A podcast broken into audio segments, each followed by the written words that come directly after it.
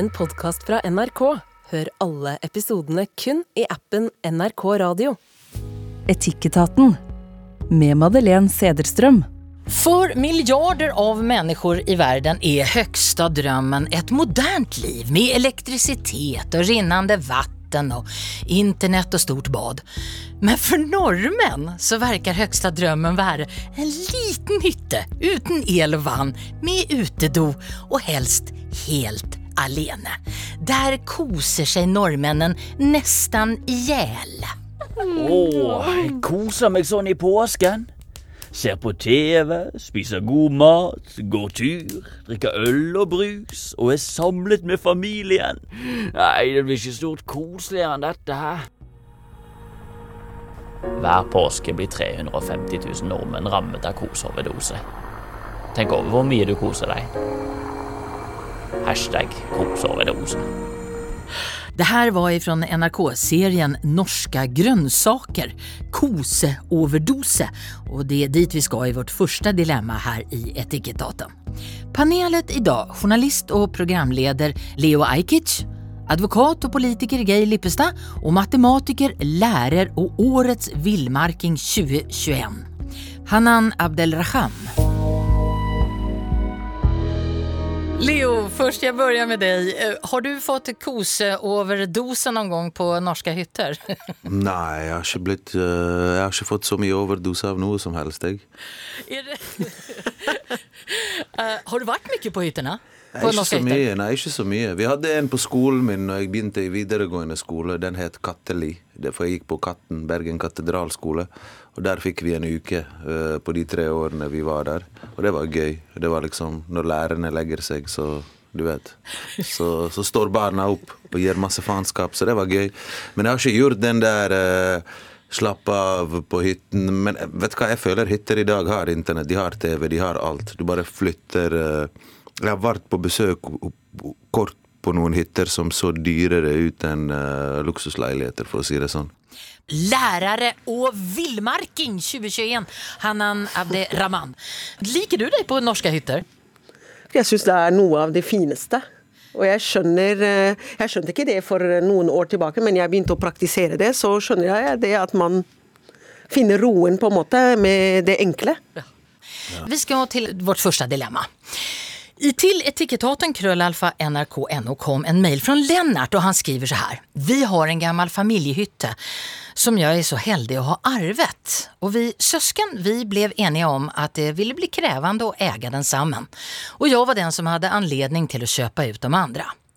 De er innforstått med at nå er hytta mi, og de bruker ikke den, heldigvis. So far so good. Så er det slik at jeg er gift med en kvinne fra en annen kultur, og i hennes familie er det enighet om at det som er mitt, ja, det er ditt. Og hun har tre søsken som tar det som en selvfølge at de alle er velkomne på hytta, når som helst. Jeg trives godt med familien eh, til kona mi, men det blir i overkant med trivsel og holde i dette. Jeg står altså i spenn mellom to verdisett og har djup sympati for begge. Ro og batterilading på hytta med kjernefamilien, eller en herlig familie som tapper meg for energi. Hva er viktigst? Kjør drøfting please, etikettaten. Hanan, eh, i din, eh, hadde du sagt eh, jeg vil være alene på hytta? Altså, Hanan fra Midtøsten, fra Egypt, hadde aldri funnet på å si noe så frekt, da. jo, det, i min kultur hadde det vært ganske alvorlig da, hvis jeg gikk til familie og sa vet dere hva, jeg orker ikke å ha dere med. Jeg vil kose meg alene på hytta. Jeg hadde blitt veldig svartmala, liksom. Hvorfor det? Fordi vi er en flokkultur, på en måte, hvor jeg kommer fra, fra Midtøsten. Jeg vet ikke hvordan det er i Norge. Eller jeg veit hvordan det er i Norge, det vet jeg. Men eh, det, er- en sånn flokkultur. Vi koser oss sammen. på en måte Kos betyr å være med familie, å være med masse mennesker. Eh, Vi, vi feirer alt omtrent, og det skal være masse mat, masse mennesker. Og det skal være glitter og gull, på en måte.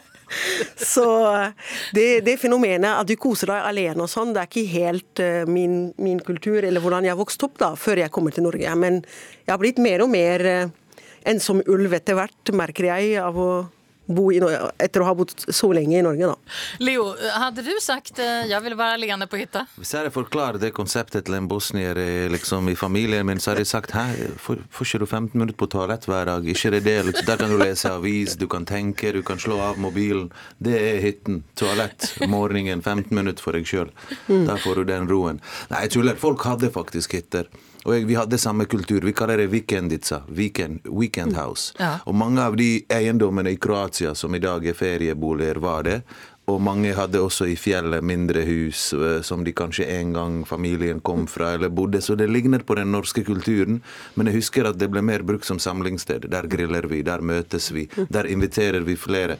Så det ville vært veldig frekt å si du du får ikke lov å bruke det. Så jeg måtte i Bosnia, siden jeg bor i Norge og jeg er diaspora, jeg måtte funnet opp en sånn Airbnb late som system. Jeg måtte sagt at nei, det er utleid tre dager, og så kunne jeg drite i fred alene der, eller whatever. Eh, jeg, måtte jeg kunne ikke sagt det rett ut på samme måten. Du, jeg skal være der alene. Jeg trenger, uh, jeg trenger alenetid. For jeg trenger alenetid kan oppfattes som jeg trenger ikke deg. Ja.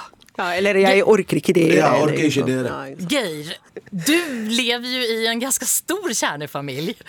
Var är din alenetid någonstans? Nei, den fins ikke. Men, men eh, det er jo veldig interessant dette her, ikke sant. For når det gjelder eh, nordmenns hyttevaner, så er det jo Unnskyld. eh, Riktig som du sier, at man som liker å være alene, men ikke helt alene. Det er jo gjerne kjernefamilien, da, ikke sant, som drar på hytta. Og, og, og, og i ditt fall, hyttes, eh, ditt fall så er jo kjernefamilien Hvor stor er den? Ja, det er jo åtte barn, da, og litt mer forskjellige, hva skal vi si, som hører til, så, så det er mange.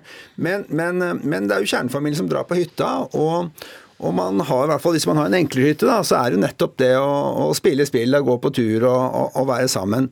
Og da blir jo selvfølgelig problemet hvis kjernefamilien utvides, da, som dette spørsmålet handler om, nemlig at det er søsken, voksne søsken, eh, det er det jeg forstår eh, er dilemmaet her, som, som kommer. Og det er klart at eh, har du fire soverom og, og du er 20 stykker på hytta, så, så blir det jo ikke mye pause. Så, og matlaging og alt blir jo sett på som litt, litt ekstra slitsomt. Så, så jeg tenker jo at i dette tilfellet her så handler det om å prøve å ta det beste ut av begge kulturene, da. Det er jo fantastisk at, at man er glad i å være sammen og glad i å lage mat. Og, så, og, så, og det må han jenke seg til. Han har giftet seg med en kvinne fra en annen kultur, og da må han eh, ta hele familien med på kjøpet. Så Lennart han har en moralsk plikt til å ta hensyn til sin kones kultur.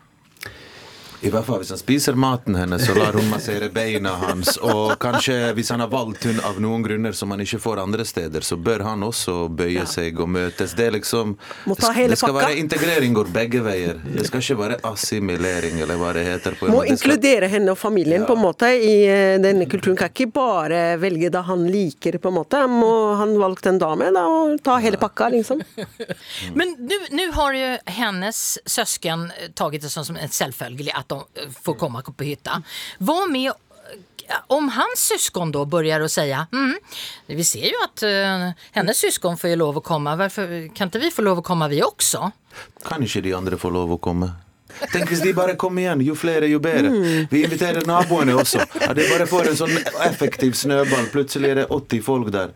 Plutselig er Plumbo Plumbo, hva heter det? Vasingguttene der og spiller, og det er en, det er en hel eh, festival der ute. Bygdafest. Nei. Men kan, kan, han, kan, han, kan Lennart si til sine egne, egne søsken syskon nei, ni får ikke komme, men min kones syskon får komma? Geir, hva sier du? Nei, det, det, blir jo, det blir jo litt feil, ikke sant? Og det vil jo sikkert eh, hans søsken reagere på. Og, så er det jo sånn at, at de nok venter på en invitasjon, ikke sant? For det er jo litt sånn at, at man må bli invitert for å føle at man er velkommen. Eh, og, og så inviterer han ikke de, og de andre kommer automatisk. Da må han jo snakke med sine søsken da. og og jeg ville ikke sagt at dere får ikke komme fordi at det er alltid fullt der, fordi min kones søsken er her, men, men prøv å, prøv å, å, å høre med det, da, om det ville komme når alle var til stede. Kanskje de syns det er helt mye, så da kommer de ikke. Og eventuelt prøve å finne eh, fordeling inn til ferien. En uke til den ene familien, en uke til den andre familien, hvis, hvis plassen er et problem. Men Så- det, Hanna och Leo, Ja. Er, er det storfamiljen alltid det å företräcka? Är det, är, måste man alltid jämka sig efter storfamiljen? Så eh, i ferier og sånn, ja. Hvis jeg skal være helt ærlig. Og så når du først har valgt henne som partner og sånn, man skal ikke være redd for å være åpen og ærlig og finne, møte henne i midten, på en måte, da. Det, det hadde jeg likt å høre hvis mannen min er kanskje ikke helt fornøyd med en situasjon, så hadde jeg likt å høre om det og kanskje prøve å finne løsninger sammen, da.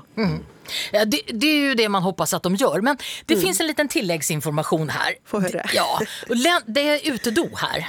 Och det är Lennart som alltid har haft den oppgaven att tömma utedon. Och det är klart att her här får vi lite bilder i hodet når när til... till, ja, ni skjønner hva jeg mener. Mm. Hva skal Lennart göra?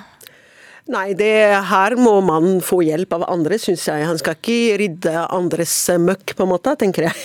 Men kanskje de ikke vet. Han har jo ikke sagt noe. Kanskje Ja, de tror at det blir men- kompost. Kanskje de tror det er Ja. jorden til uh, all den gode poteten og løken i nabolaget. Altså, de vet jo ikke sånn. Han må jo si ifra. Han må si Og ifra. kanskje hvis han sier ifra, kanskje kommer de sjeldnere. Fordi de skjønner å nei, hvis vi går må opp vi der, så må vi liksom rydde vekk ja, Bæsj, liksom. ekskrementer, eller hva det heter på NRK1. Her, her, her er litt kanskje gammeldags, men jeg tenker at eh, når han tross alt eier denne hytta sammen med kona si, og, og han har jo invitert, selv om de kommer eh, litt oftere enn han inviterer, så er hans oppgave å tømme utedassen. Altså. Det kan ikke be gjestene gjøre det. Det synes jeg er eh, Da, da sier du til gjestene ikke kom tilbake, for her skal, du, her skal det være så jævlig å være. hvis de kommer uinvitert, da er ikke du gjest lenger. Nei, det er familie. Du vil, da er det familie. Det er familie. De må være med å rydde, tenker jeg. Det gjør vi i vår kultur, da, i alle fall. men være med å rydde er jo noe annet enn å, å tømme en utedass. eh, Fordi da skal du vite hvor spaden står, og du skal vite hvor du kan grave, og du skal vite ja, hvor du gravde si sist fra. gang, osv. Det, det, og dette har jeg gjort mange ganger, skjønner du. Så, så det er ikke, det, dette er et fag, det å tømme utedoen på en Men ordentlig hør på det her, hvis det er mange folk på hytten Ja. Så kan de leie noen til å gjøre for mye billigere penger. Har du 30 kroner, har du spleise. 30, har du, så bare åtte filippinere, 30 kroner hver, pluss han. Det blir 270 kroner. 270 kroner i timen betaler du en 16-åring som bor der her for å tømme det. Det, jeg er jo liksom, det er jo sånn jeg har livnært meg. Ikke ved å henge ved hytter og tømme toaletter, men å henge med folk som f.eks. har hage og gress. Så gir de deg 100, 200 Ja, men, kroner, klipper du gresset deres om sommeren. Men, men, men det er klart du kan spørre om noen kan gjøre jobben, det er klart det.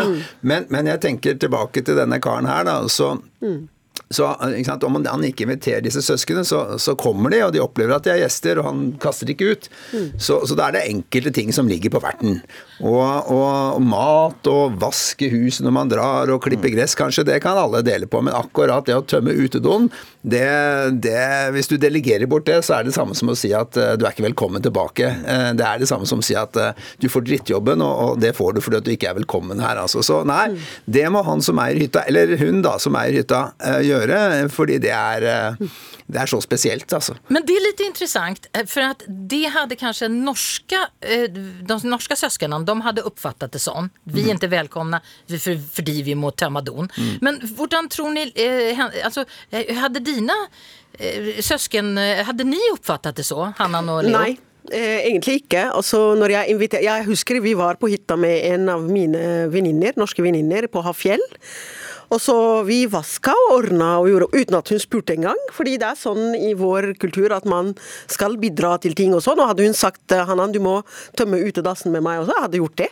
Jeg hadde, tvert imot, jeg hadde oppfattet det som tillit, egentlig. At hun vil ta meg med i noe som er viktig for henne. da. Det, det er som sagt, det, det er jo en kunst vet du, å tømme en utedo. For den du skal vite hvor du tømmer den. ikke sant? Du kan ikke bare hive den i sjøen eller, eller kaste den over til naboen. Eh, eller grave den hvor som helst når du ligger og lukter. Så, så du skal, og på fjellet er det ikke så lett å grave ned ting heller, for det er steinbunn.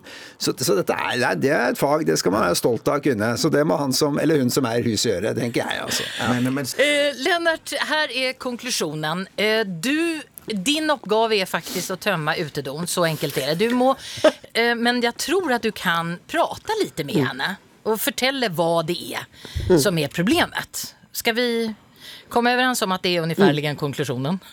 Yeah. Yes. Ja. Ja. Yes. Leo Ajkic, Geir Lippestad og Hanan Abdi Abde Rahman. Neste dilemma er virkelig vrient. Från utedass till någonting som är ganska vondt. Hallå kära dere i Etikettaten. Jag har ett vondt dilemma. Jag är kontaktlærer för en gäng med niondeklassinger och jag liker jobben min. Men jag sliter med att jag missliker en av mina elever. Jag upplever henne som manipulerande på ett väldigt subtil måte. Det handlar om vittesmå signaler, blicking, sucking, kroppsspråk. Det är vanskligt att ta henne för någonting konkret. Jag märker också att hennes måte å være på er vanskelig og begrensende for noen av de andre jentene i klassen. og det gjør meg lei og frustrert. Det virker ikke som hun er like, kallet ekkel, mot de andre lærerne. De skjønner i alle fall ikke hva jeg snakker om. Jeg har prøvd å snakke med henne selv, men hun blånekter for alt og truer med å melde meg for trakassering. Må jeg late som jeg liker henne? Og Geir, jeg har lyst til å starte med deg. Ehm, Du, har, du må jo ha forsvart en hel del mennesker som du ikke personlig likte noe særlig. Ja, Det er klart, men, men jeg, har alltid tenkt at eh, de mest spennende menneskene er nettopp de jeg ikke greier å like eh, sånn med en gang. Altså mennesker som ikke er lette å like. Fordi det er veldig ofte en grunn til det. Og, og det er å se bak den oppførselen da, og, og, og, og se, se hva slags menneske du har foran deg, som er spennende. Og jeg har møtt veldig mange mennesker som sitter i fengsel. og og, og, og, det er klart at det er jo typisk mennesker som ikke er så lette å like sånn for samfunnet og gjort gærne ting og sånn. Men, mm. men, men, når man ser bak det der ytre eh, og det første inntrykket, så, så, er det alltid, eller i hvert fall nesten alltid, eh, veldig gode folk bak.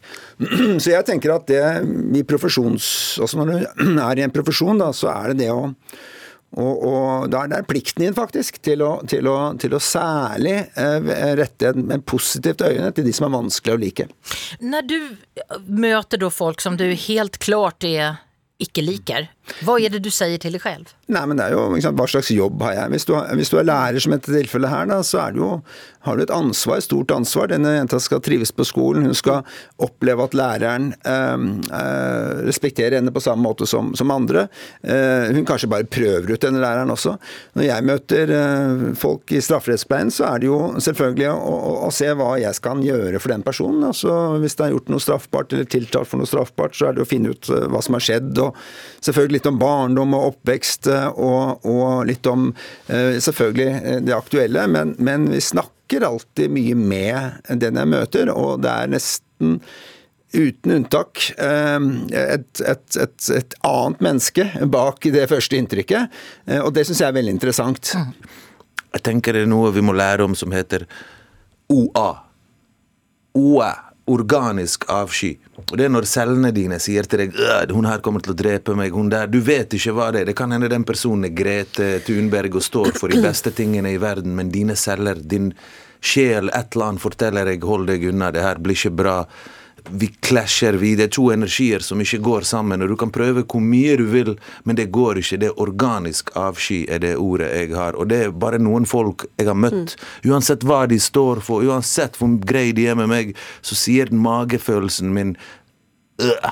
Om du hadde vært lærer og møtt en sånn elev, hadde du Loss, hadde, hadde, hadde, du vært profesjonell? Hadde du losset som du likte henne? Nei, jeg hadde flyttet hun til B-klassen. Hadde sagt du vekk.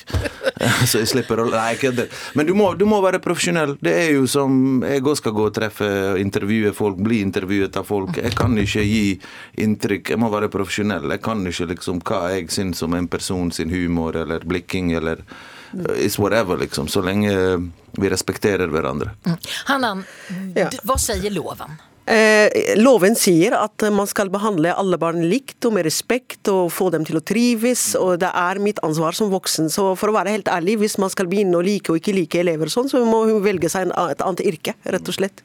Da er, da er hun ikke skikket for å være lærer. Hun må like denne Ja, jeg er også i tillegg lærerutdanner, og det, og det jeg sier til første jeg sier til studentene mine på høyskolen, at uh, det elevene og å se hele mennesket, det er egentlig det første som er viktigst i din jobb.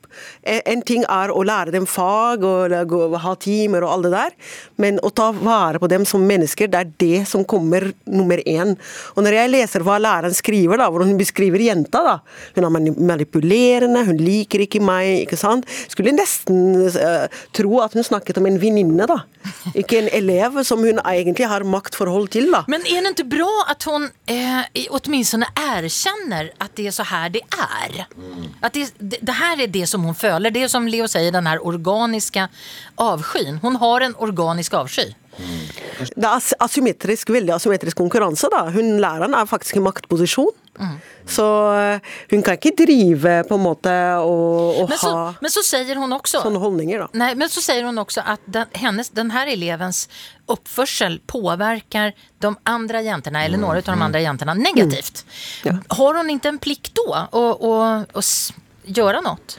Ja, altså, jeg tenker Da finner man noen konstruktive løsninger. Sitte faktisk da ordentlig prat med den jente. Og så prøve å skape denne relasjonen, denne tilliten. fordi du kan aldri stille høyere krav enn en relasjon tillater. på en måte, Så hun må bygge denne relasjonen, denne tilliten, litt for litt. Og så prøve å finne løsninger for å hjelpe henne. Kanskje hun har en bagasje hjemmefra. Kanskje hun har en, et barn egentlig som har det veldig dårlig og vondt inni seg. Kanskje det er et eller annet sånn psykiske problemer. ikke sant? Så må hun engasjere de riktige instansene på skolen. Kanskje sosiallæreren eh, eller en annen lærer hun stoler på. ikke sant? Men Leo, ja, du fortalte en historie til meg eh, der du møtte en, eh, en lærer.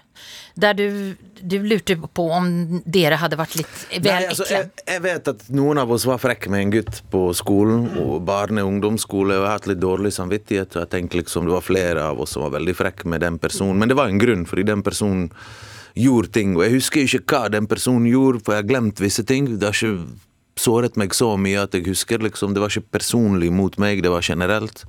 Men i ettertid så har jeg spurt min lærer liksom, var vi frekke, hvorfor grep ikke du inn? Og da sa læreren min at den personen hadde noen kjipe holdninger som ikke går an å ha i klassen. I hvert fall i en klasse med så mye utlendinger. Denne personen kunne rekke opp hånden og si ting om vår kultur eller sånn, og da lot han oss andre ta igjen. Fordi de holdningene er jo ikke kule. Så setter jeg et, et eksempel. Altså Hvis en elev er homofobisk og sier homofobiske ting, så kommer de andre og bare du, tar feil. Så i min tilfelle lot læreren min oss andre på en måte ta igjen på denne som hadde disse holdningene. Er det akseptabelt, Hanna? Nei, egentlig ikke. Altså jeg tenker denne læreren da, Hvis man skal være helt profesjonell da, og etter etiske regler i læreryrket, så burde denne læreren tatt ordentlig samtale med alle guttene da, eller alle dere i klassen, og rydde opp i det på en, på en etisk og fin måte. da. Fordi eh, det er ikke jungle-low på en måte, eller jungle-law da, eh, på skolen. Vi skal la elevene ta igjen og sånn. Jeg skjønner godt hva hun mener, og jeg tenker at det er jo veldig stor forskjell på det å ikke like eller avskje en elev, og det å sette grenser for en elev. Det er klart Hvis en elev kommer med rasistiske ting eller nazistiske ting, eller, eller, eh, eller utfall mot andre elever, slåsskamper, så er det klart at en lærer skal gripe inn og sette grenser og, og, og, og følge opp det. Men det er jo ikke det samme som ikke like eleven. Tvert imot, tenker jeg. Det, det kan jo gjøres med, med, med Sette grenser kan jo oppleves som at eh, læreren nettopp bryr seg.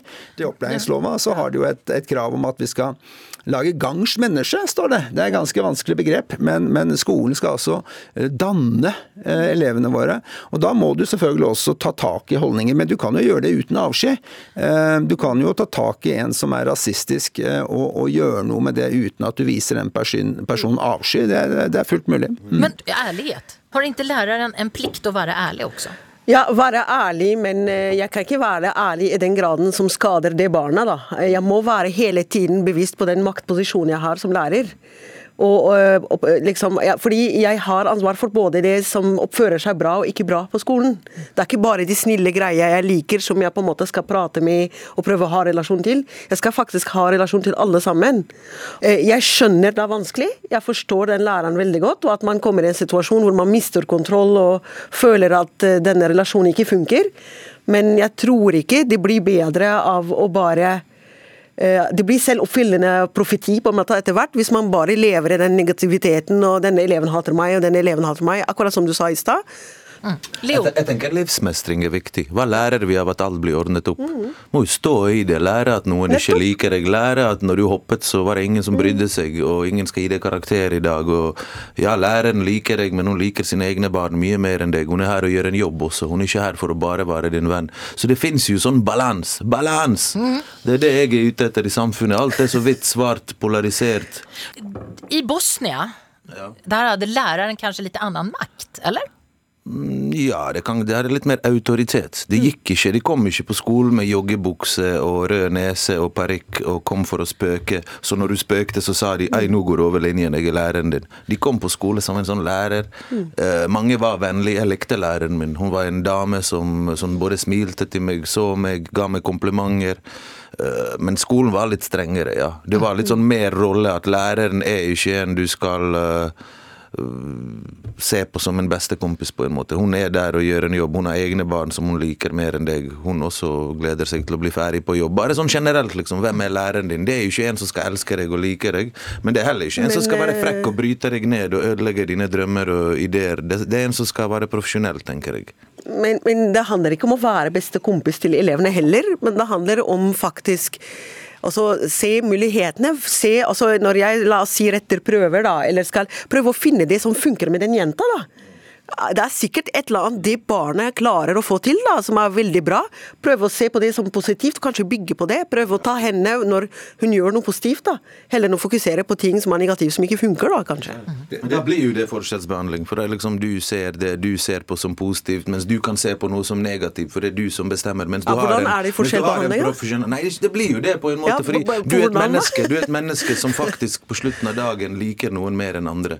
Og da finner du og ser det fine i de. Handler om det raushet, jo det, da. Mens noen andre kan drive med noe fint, men for deg kan det være stygt. F.eks. graffiti, skateboarding. Når jeg var liten, så var det en del ting lærere i dag støtter barn med som de ikke skjønte å støtte den dagen. Mm. Selv om de trodde de var der for oss. De var der for å lede oss i riktig retning. Husk, nå må du velge videregående. Det er dette vi fokuserer på nå. Det er det viktigste, sant? Mens egentlig burde det vært gjør mer av det. Eller jeg vet jo ikke. Mm. Men jeg er åpen for diskusjon om disse tingene. fordi at det å være kompis og lærer å være der for deg, det er jo på slutten av dagen et menneske, og mennesker gjør feil. Men, eh, mens eh, Men igjen, det handler om raushet. Og igjen, du, du, det er ingen som tvang deg til å bli lærer. Du valgte det selv, og det er ingen menneskerett å være lærer. Men du, men du tvinges faktisk til å gå på skolen. Det er, Det var det som er poenget. Ja, ja, nettopp. Så jeg tenker de, de barna har faktisk flere timer med oss pedagoger på skolen, mer enn de har med sine egne foreldre, og det er et ansvar.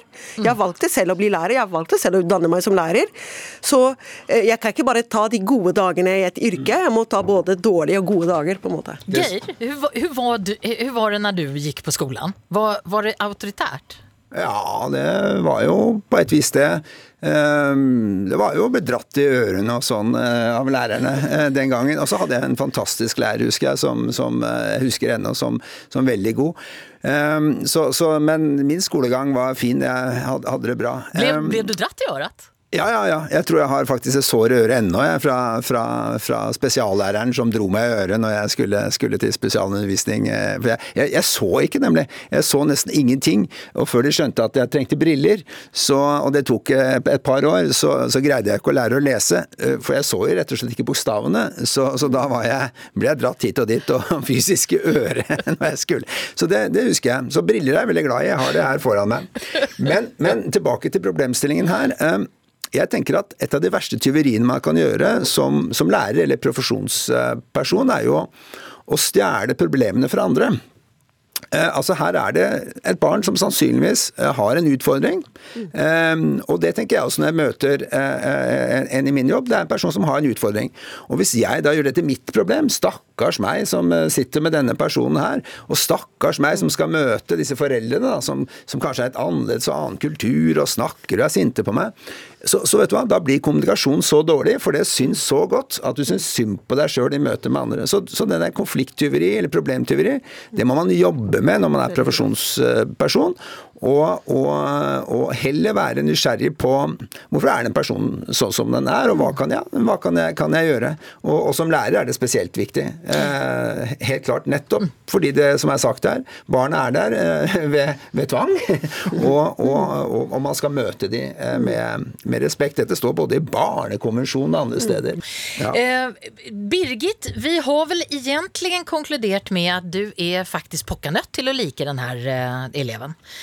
Eh, eller? Ja. Ja! Ja. Men, men også husk, det eneste du må, er å dø. Ja. Det er det eneste vi må. Det er mitt motto. Så du må ingenting annet. Du velger alt annet utenom å dø. Det skjer. Men hvis du, ikke, hvis du velger å ikke like henne, så får du faktisk velge Nei, du kan late som. Du kan, du kan ikke tvinge noen til å like noen, men du må late som du liker noen, i hvert fall. For når du er på jobb. Ja, så enkelt er det. Eh, Det er jo så her, Birgit, at i alle de her dilemmaene så graver vi i det som gjør lite grann ont.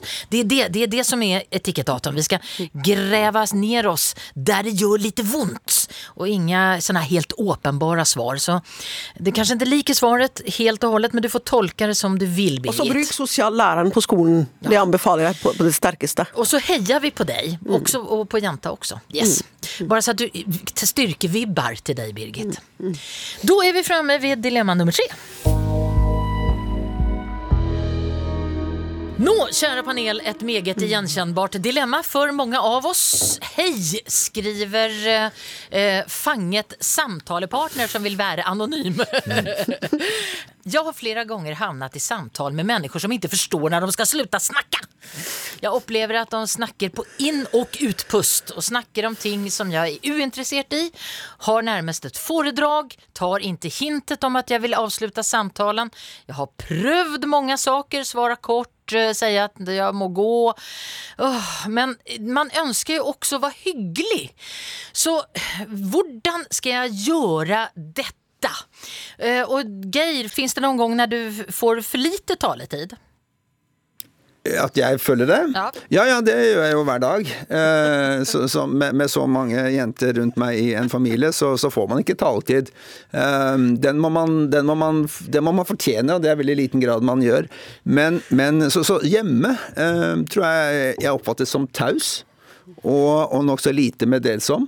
Eh, mens eh, borte, eh, les på jobb eller andre steder, så oppfattes jeg nok mer som pratsom. Og det kan jo henge sammen, disse to tingene, da. Leo, hur, er det med deg? Du eh, jo sikkert at att folk tar kontakt med deg hele tiden. Begge deler. Jeg tenkte faktisk nå å snakke, se om dere ville avbryte meg, komme med sånn dårlig lang svar og se om noen av dere faktisk brøt inn. For, men jeg, jeg liker å liksom Hvis jeg vet at noen er pratsom, så kommer jeg med unnskyldning til hvorfor jeg ikke kan ta en prat før han i det hele tatt eller hun uh, byr på seg, byr på en prat. Og der er, hva skjer? Jeg er på vei inn i et møte, litt sein ute, brr, brr, vi snakkes, sant? Da avslutter du det veldig tidlig. Av og til hvis jeg ikke har chans, det er veldig, Du kan på en måte bruke pekefingeren, og mens du lager denne lyden shh, Du legger liksom pekefingeren på munnen til de andre, men du presser litt sånn soft og rolig, og de får en sånn truttmunn, litt sånn Botox-leppe, og så sier du hysj, hysj, shh. Vi tar dette en annen gang, baby. Og så, og så Nei, kødder jeg, du kødder. kommer undan med det, Leo. Nei, ikke etter korona. Du kan ikke ta på leppene til folk. Før korona kunne vi det. Men er det noen gang som du har blivit överraskad? När, när en människa som du trodde var väldigt uintressant visade sig vara veldig interessant. Faktisk. Altså, jeg tror den personen tror at jeg hadde ikke jobbet her i dag hvis ikke jeg sa noe til de den dagen, for de nevnte til sjefen her at eh, jeg var villig til å komme på jobbintervju. Men en gang jeg var på Blå i Oslo, eh, på utestedet, så så jeg en eller annen eh, Oslo Vest-snobb som bare ville slå av en prat, og jeg tenkte ok, jeg har ikke noe mer å tape. Jeg hadde tapt mye den dagen. Uh, mye som ikke gikk bra. Hva er det verste som kan skje, liksom? Og så bare boom, boom, boom, boom, boom. Jeg jobber i NRK, vil du komme på et jobbintervju? Så plutselig ble det jobbmulighet eller et eller annet, og så likte han at jeg var hyggelig med ham. Jeg forventet ikke du skulle liksom ta deg tid til å prate med meg, blah, blah, blah. bla. Så du vet aldri, av og til, sant? Ja, og samtidig, jeg kommer jo også fra en by der liksom Her har du klar skille, Oslo vest, øst, bla, bla, bla, bla, bla.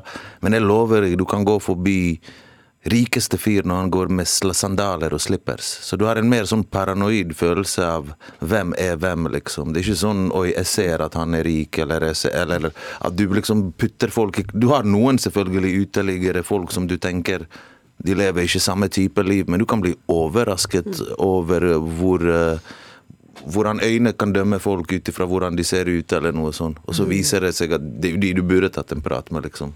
Hannan, du jobber i akademia. Ja. dette med ditt foredrag, det har, du, det har du råkat ut for. ja. Nei, altså, jeg er nok av den høflige typen som ikke klarer å avbryte folk, da. Så jeg lytter gjerne, og jeg syns Fordi du veit ikke folk hva folk har å stri med. De kan være ensomme, det kan være et eller annet. Så jeg gir alltid sjanse til folk at de skal prate, da. Alt. Men eh, det kan hende, eller i hvert fall for ikke lenge siden så var vi på eh, møte på jobb, og så satte vi de oss i grupper og sånn, og så var det en jeg ikke kjente egentlig fra en annen se seksjon, da. Og så begynte han å prate og prate og prate, og på vei ut og sånn, og jeg klarte aldri å stoppe han. av religion, filosofi, krig, alt mulig sånn. Og så liksom Jeg sa jeg må på do. Så det ble nesten en time, liksom. Så jeg er nok eh, litt eh, jeg, jeg kunne blitt flinkere til å sette grenser her. Eh, Hvis, hvis jeg skulle prøve å gi et råd til eh, denne mm, personen, da, så, så tenker jeg at det er jo veldig viktig hvem du har foran deg. Er det en god venn som du kjenner, og som, som, som du vet er i en situasjon som, som gjør at det er en grunn for at du prater så mye, så, så er man jo selvfølgelig mer tolerant og, og, og lytter mer og tar seg mer tid, eh, enn en om det er en fremmed person som bare vil liksom fortelle hvordan verden skulle vært, eller, eller eh, komme med noen konspirasjonsteorier osv. Særlig det siste er jeg veldig lite tålmodig rundt. Da, da går jeg veldig fort og, og, sier at jeg har ikke tid. Men men, eh, men så er det det, da. Hvis det er en venn og et vennskap, så, så skal et vennskap sånn over tid være litt i balanse. Så hvis den ene personen alltid er den som eh, tar eierskap til å fortelle om sine egne problemer og, og, og trenger råd osv., så, videre, så så blir jo det litt ødelagt, det vennskapet, hvis det er sånn hele tiden. Og da syns jeg, hvis man er en god venn, at man kan si fra at vet du hva, eh, jeg syns at, at eh, det blir veldig mye om deg, og, og, og det er deg du har fokus på. I et vennskap så bør det gå begge veier. Vet du hvordan det går med ungene mine, eller er du opptatt av eh, at, at faren min er, er, er alvorlig syk, eller ikke sant. Hvorfor spør du aldri om hvordan jeg har det? Så, så jeg tenker at, at for å bevare et vennskap, så bør man jo også si fra. Og hvis ikke den andre personen tåler det, så er det jo ikke noe kanskje vennskap å ta vare på. Hvis dette er gått over tid. Har man en plikt til å være lite ärlig, Hannan, till, mot, mot människor som eh, helt åpenbart snakker over munn? Altså Det kommer an på hva slags forhold vi har. da. Hvis vi har venner, ja, jeg kan være ærlig med vennene mine, eller eh, folk som står meg nær. da. Men eh, hvis det er folk fremmede folk og sånn, jeg har med min personlighet. eh, Det hadde vært litt tungt for meg å drive og bryte, fordi jeg kjenner ikke dem godt. Jeg vet ikke hva som sårer dem, hvor jeg har dem, på en måte. Så det blir litt sånn Men eh, ja. Geir, Skulle, skulle jeg likt å være elev i klassen din. Du hadde ikke fått ett ord, jeg lover deg. Du hadde bare sittet der og Kan jeg bryte inn? Disse Jeg hadde tatt over, jeg lover deg. Nei, jeg, i klassen er jeg sjef. altså. Skulle vi visst hvor streng jeg er i klassen.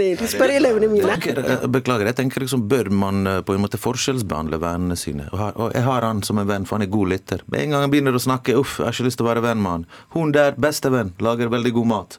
Bo, bo, bo. Du har forskjellige grunner. Han der, jeg låner han penger, men jeg skal aldri fortelle han en hemmelighet. Fordi han ikke kan holde på en. Det er som å liksom putte en krone på han og si ikke snakk nå, men han er jo lagd for å snakke når du putter en krone på han. Og det er Ja, hemmeligheten. med Så du må forskjellsbehandle folk og mennesker. Jeg er helt enig med deg. Og, og, og sånn blir det med noen som snakker for mye. Du må liksom forskjellsbehandle, du må sette standard, enten er du åpen eller ikke. Du kan ikke hver gang Kan du lære meg hvordan jeg Man blir sliten av å få Ikke noe sånn Mange folk vil si noe til meg. Kan du gi meg kurs hvordan jeg skal gjøre det? Mange folk vil si noe til meg.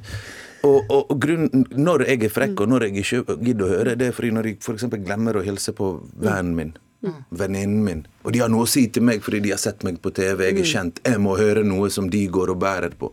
Har hun vært hyggelig, har hun vært cool med hele rommet?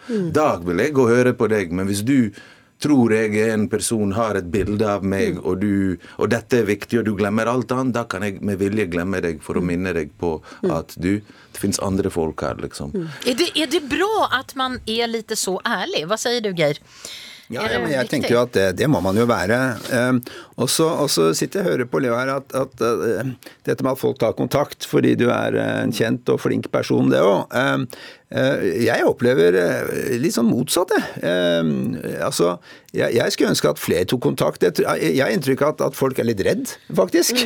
ja, ikke, ikke redd for meg, jeg, jeg, jeg er ikke noen farlig person. Er, er, men, men liksom det at man, at man som ikke kommer bort og sier hei, eh, fordi at man tenker kanskje at Jeg vet ikke hva man tenker, men, men det pleier jeg å Så jeg pleier å se på folk og, pleier å jeg, jeg pleier å, som jeg sier til kone, jeg har enten et sånt inviterende måte å være på. Da ser jeg på folk og, og gir uttrykk for at nå Kom gjerne bort og si hei. Eh, Eller så ser jeg bare ned i bordet eller, eller, eller er veldig opptatt med et eller annet. Da kommer ikke folk bort. Men, men, vi men hører hvor mye dere tar i timen, det blir sånn Oi, helvete, vi waster tiden deres. Han der tar 2000 i timen for å lese noe. Skal han, han burde fått betalt for å høre på meg. Så man har jo litt sånn dyrebar tid. Dyrebar tid, skjønner du, liksom. Ja, det kan være det, selvfølgelig. Men jeg, som sagt, sånn, stort sett så, så hører jeg på folk og, og, og snakker med folk. Jeg liker mennesker, jeg er veldig glad i mennesker. Men så tenker jeg også at det er et ansvar å si fra hvis det går over stokk og stein. Og, og særlig venner, da, som du er glad i. Hvis du føler at, at vennene si, bruker eh, vennegjengen som en, som en konto som, som tømmes hele tiden, slik at, at vennene, når den personen ikke er der, sier at uff, nå, nå, endelig kan vi snakke om noe hyggelig, eller noe, da, da må vi si fra, for det, det ødelegger jo et vennskap. Og det, det synes jeg, Hvis man er en god venn, så sier man fra også. Men selvfølgelig så bruker man tid på, på venner som har det vanskelig, og selvfølgelig så bruker man tid på venner som har noe hyggelig å fortelle. Og så er det er det innmari hyggelig å kunne, kunne ha en samtale som går begge veier, sånn eh, jevnt over, altså. Jeg opplever eh, Du spurte meg eh, om dette her, om jeg ble overrasket noen ganger. da. Og det hendte at fremmede mennesker som en gang faktisk har gitt tid og pratet med meg, og sånn, at det har reddet liv noen ganger, altså. Så eh, å være et menneske, da. Å være raus, liksom. Har, har du et eksempel? Jeg har et eksempel, faktisk. At eh, en mann eh, Vi har satt på flyplassen, og da så var det en mann jeg satt og bare snackset litt, og sånn. Så var det en som drakk øl og sa 'Kan jeg prate med deg?' Så jeg ble litt sånn Ja, kjør på, du. Jeg måtte vente på flyet og sånn, da. Og så han prata og prata, og liksom begynte tårene å renne, og så videre. Og så sier han, vet du hva? Denne samtalen med deg i dag. Jeg har aldri hatt så bra samtale med noen. Det er nesten bedre enn psykologen min, sa han. Og han Jeg følte at denne samtalen var noe stort som endret dagen hans sånn betraktelig, da. Så, og det er ikke noe jeg så for meg. Jeg tenkte åh, nå må jeg være stuck i en time, liksom. Men jeg, jeg gikk på en måte med en veldig god følelse. Jeg følte at jeg gjorde en god gjerning. Du vet jo, ikke, du vet jo aldri hva det mennesket har å stri med. da. Og det er sikkert en gang kanskje jeg trenger det samme. Hvem vet? Karma, liksom. Leo, har du, skjønner du at du gjennom å ha lyttet har endret en människas liv? Mm, det kan godt hende. Alt vi gjør er med å påvirke andre. Det kan være en liten kommentar der som noen tar til seg eh, positiv og kjører på og, og gønner på med noe de var usikre på om de skulle gjøre eller ikke. Altså, Alt vi gjør har en effekt på en måte, definitivt. Så jeg har møtt folk som på en måte har valgt å studere i land jeg har besøkt når jeg har lagd TV fordi jeg har vist en side av det stedet som de ikke tenkte på før, eller litt sånn sånne ting. At folk har gjort noe med Jeg har lagd en serie som heter Flukt, der jeg har møtt folk liksom som bare OK, jeg skulle ta et friår, men nå bare vervet jeg meg for å jobbe frivillig. Og jeg liksom motivert noen til å ta det lille ekstra, liksom. Men det jeg liker med fremmede mennesker, å snakke med fremmede, ja, da får ikke du bruk for psykolog på samme måte. En gang jeg var i psykolog pga. dødsfall nær rundt meg.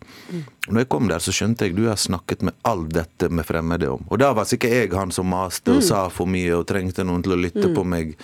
Så det er jo sånn jeg syns det er lettere å snakke til ting om en fremmed. Og en fremmed kan du spørre til og med bør jeg fortelle dette til vennen min. Kan du si til din venn bør jeg fortelle deg om hemoroiden min? Du kan jo ikke det. Du må spørre en fremmed først på bussen, fordi han sitter på en hemoroide, kanskje. Fordi dere er på bussen.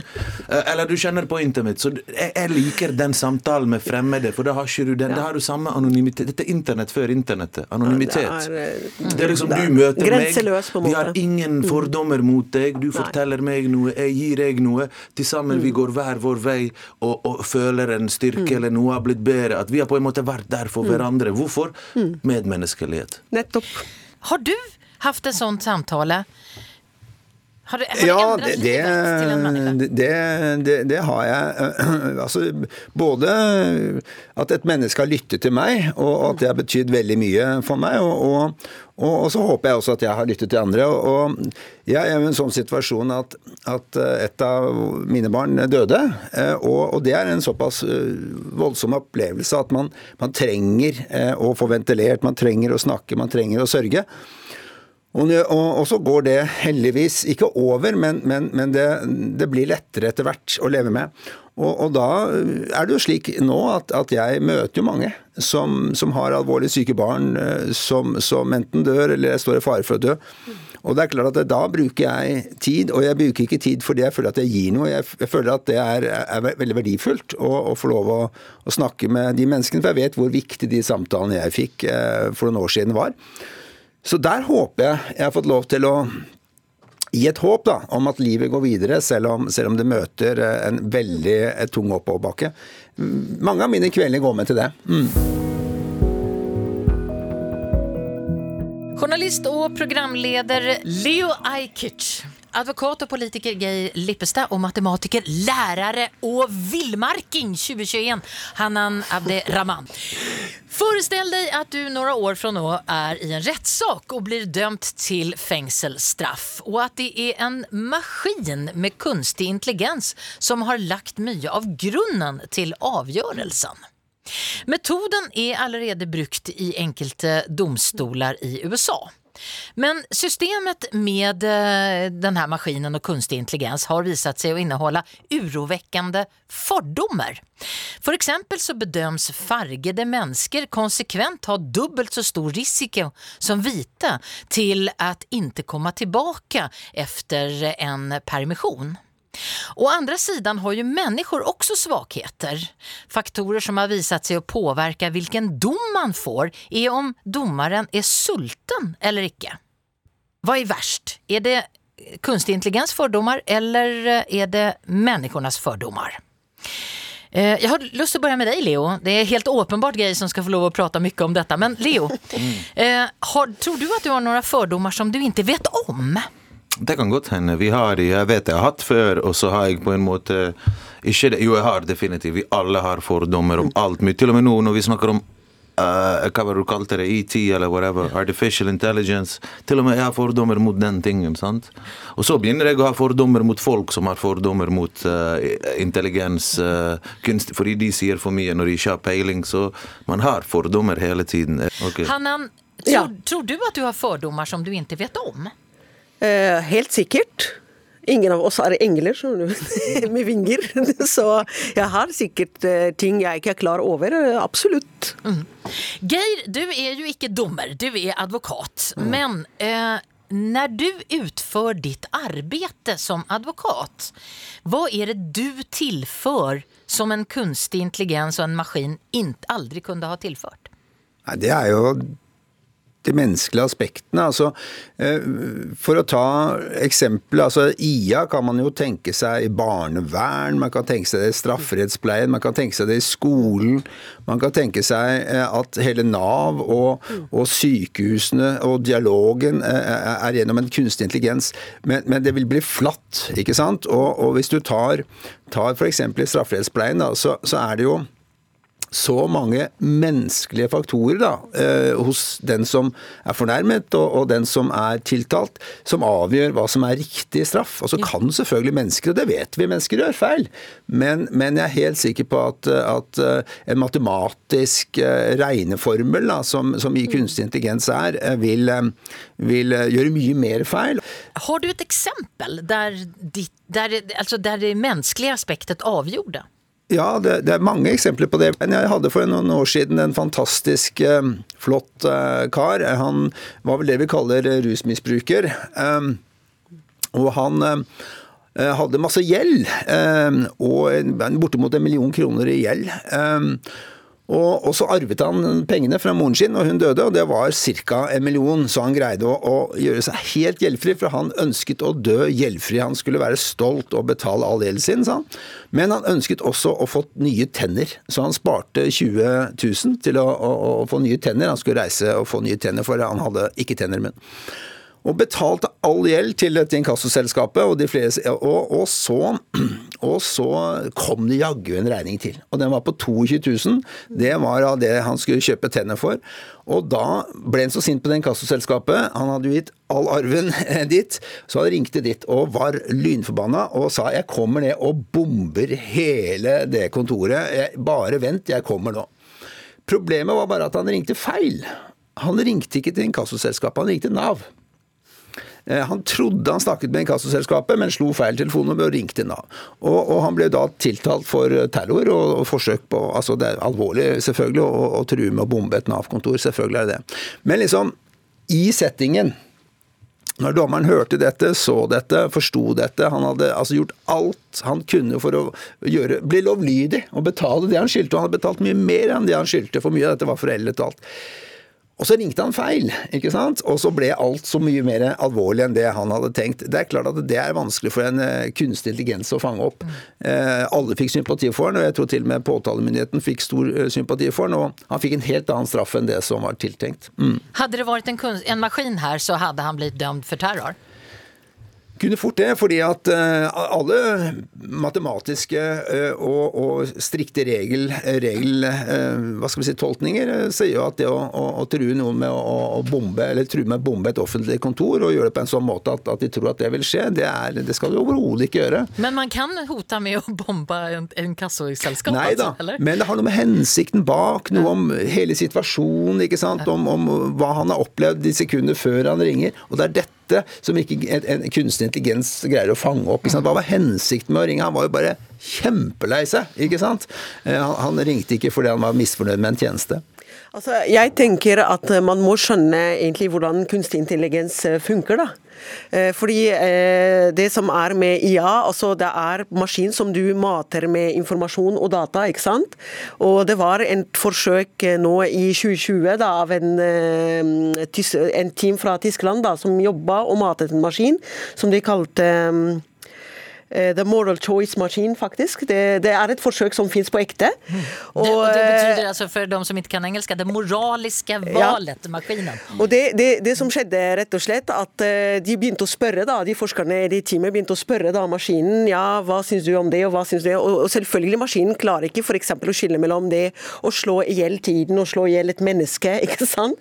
Fordi den, den catcher bare ordet å slå i hjel, og den vet at slå i hjel er negativt, men den ser ikke det i konteksten. Den har ikke den skjønn, den moralen, de vurderingsevne som mennesker har, da. Men kan den få det? De, altså, de sier jo det, at den kan Eh, få det. De, de kan få det hvis, jo mer data du setter inn, men igjen, som Leo sier, det blir påvirket av hvilket menneske, da, eller hvilke mennesker som mater den maskinen med hvilke data.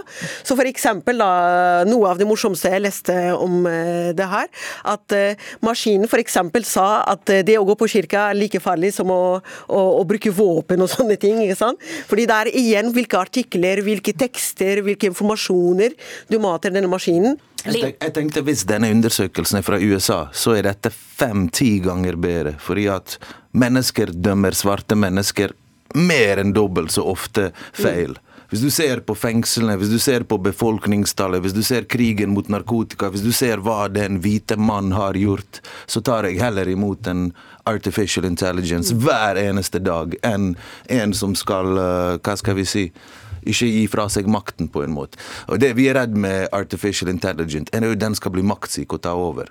Det gjør jo mennesker, diktatorer, høyesterettsdommere, ikke vet når de har sittet for lenge på makten sin. Så jeg har ikke peiling, jeg er ikke så kritisk til de greiene så lenge den er programmert av riktige folk. Hvis en rasist programmerer noe, så blir jo det rasistisk. Hvis Sylvi Listhaug skulle eh, programmert et integreringsprogram, jeg vet ikke om det hadde vært bedre enn hvis mor Therese lagde den. Jeg vet ikke. Det jeg har lært i Norge, jeg har spurt liksom, fins det rettferdighet i rettssystemet på ekte, så er det sånn nei. De som utøver det, er fra en viss gruppe mennesker. Når du blir høyesterettsdommer med hijab, og du mann pluss 50, og jeg fra en annen kultur, og homofile, og andre lag, så vil de kunne se seg sjøl i offeret eller i den dømte. Så vi trenger flere dommere som ser seg sjøl i folka som er plassert foran de. Og hvem styrer rettssystemet i USA? Jeg. Men Hannan, hva tenker du? En lege har etisk grunnlag, en advokat, en journalist, lærer, ikke sant. Men igjen, de som programmerer og mater IA, de må ha etiske regler som styrer dem, da, og ikke bare eh, marked, liksom. Ikke bare markedet. Mm. Geir, du, du hørte hva Leo sa. Eh, han, Leo oppfatter altså rettssystemet som relativt eh, mye fördomsfullt. Nei, det er jo ikke riktig. Men han, Leo har jo rett til det at, at vi mennesker vi vurderer jo andre ut fra våre erfaringer, selvfølgelig. Eh, Men, men eh, sånn er det jo å være menneske. Eh, Jeg, jeg tror at eh, eh, det å tenke seg at en maskin, kunstig intelligens, skulle overta for rettsvesenet eller skolen eller barne, barnevernet, eller, eller, eller, være en perfekt barnehagepedagog, det, det, det, det vil være nesten galskap å tenke. Og, og, man vet nesten ikke hvilken retning det vil gå, eh, og, og hvilke beslutninger som kan fattes. Så, så jeg, tror, jeg, jeg tror at det, det som menneske kan gjøre, som ikke en maskin kan gjøre, det er jo nettopp å lære av feil.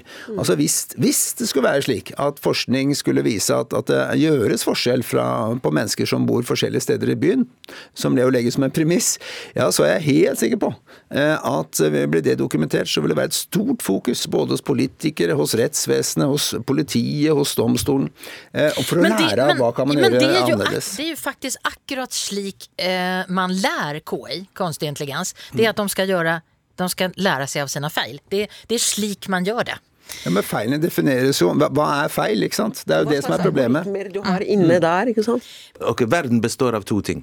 Kjærlighet og matematikk. Det er ikke så mye mer. Det er ikke så mye mer. Så all det matematiske kommer jo All det matematiske kommer artificial intelligence alltid til å bli bedre enn oss. Men den andre kommer en aldri til å kunne forstå. Det uforutsigbare, det følelsesmessige. Og det er det som, det er det som både mm. fucker opp og redder Oi, hun er tobarnsmor. Følelsen. Det er jo det liksom Han er norsk. Vi hadde, Norge, vi hadde en stor debatt i Norge som mm. der viser jeg hvordan mennesker tar feil. Mm. Nordmenn som joinet andre verdenskrig og ble nazister. Vi hadde en stor debatt etter en serie. Wow, hvordan kunne de? Ble de lurt? Mm. Fordi vi ser oss sjøl i de. Men hvis vi ser deg stikke til Syria, så er debatten hvor hardt skal vi straffe deg? Fordi at du, Vi ser ikke oss i deg. Du valgte det av andre grunner. Når en hvit mann sprenger noe, så leter vi etter er han gal, eller?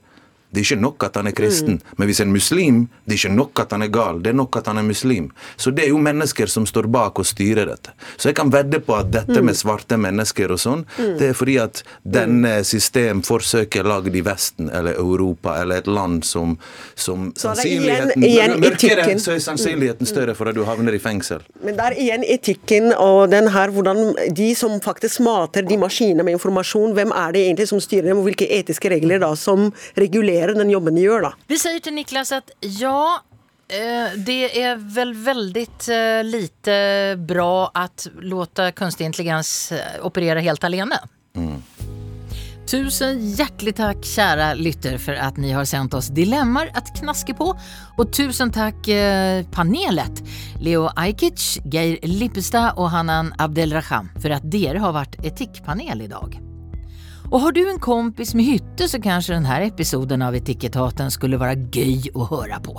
Du kan tipsa tipse hen om at den ligger på appen NRK Radio. Flere dilemmaer mottas med takk til Etikettaten krøllalfa nrk.no. Eller du kan sende en SMS til 1987 med kodeordet etikk. Ta hand om hverandre og lev vel, ønsker produsent Hanne Næss Tremoen, researcher Hege Strømsnes og jeg, Madeleine Cederström.